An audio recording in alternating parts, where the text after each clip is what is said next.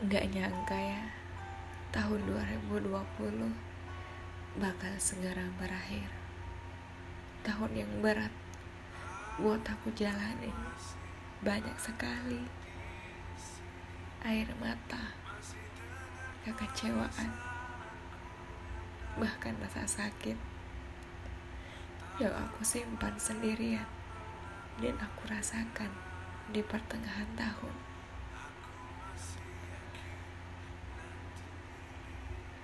Sampai pada waktu di mana aku bisa menemukanmu kembali. Namun takdir tidak merestui kita. Hai, apa kabar kamu yang jauh di sana? Semoga kamu selalu baik tanpa kabarku. Pastinya bukan. Untukmu, laki-laki yang terakhir aku temui di tahun 2018 di kota Jogja.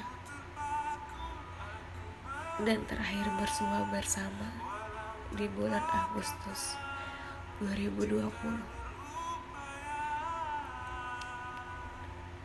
Sempat percaya diri satu sama lain kita bisa saling memiliki, tapi nyatanya takdir tidak seindah harapan kita. Manusia memang hanya bisa berencana, namun Tuhan adalah sebaik-baiknya pemegang rencana di dunia ini. Aku harap suatu saat nanti waktu bisa memberimu kesempatan untuk mendengarkan podcastku. Di podcastku ini, aku ingin mengucapkan semua kata yang masih tertahan di tenggorokanku. Yang belum sempat aku ucapkan lewat mulutku, bahkan kamu dengar lewat telingamu.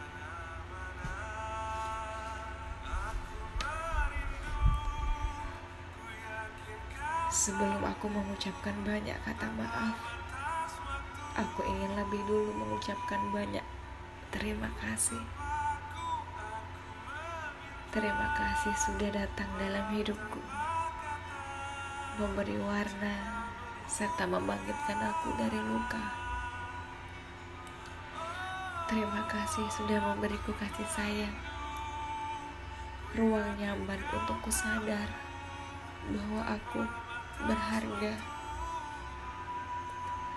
Terima kasih sudah menyadarkan diriku.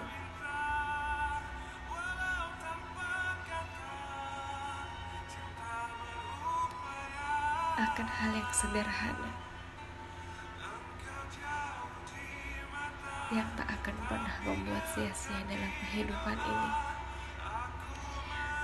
Dan terima kasih atas semua hal yang indah yang tak bisa aku ucapkan satu persatu.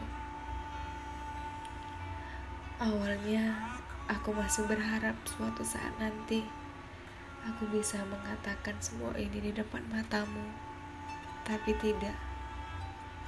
Aku tak berani menemuimu, dan aku tak sanggup untuk lebih membuatmu sakit.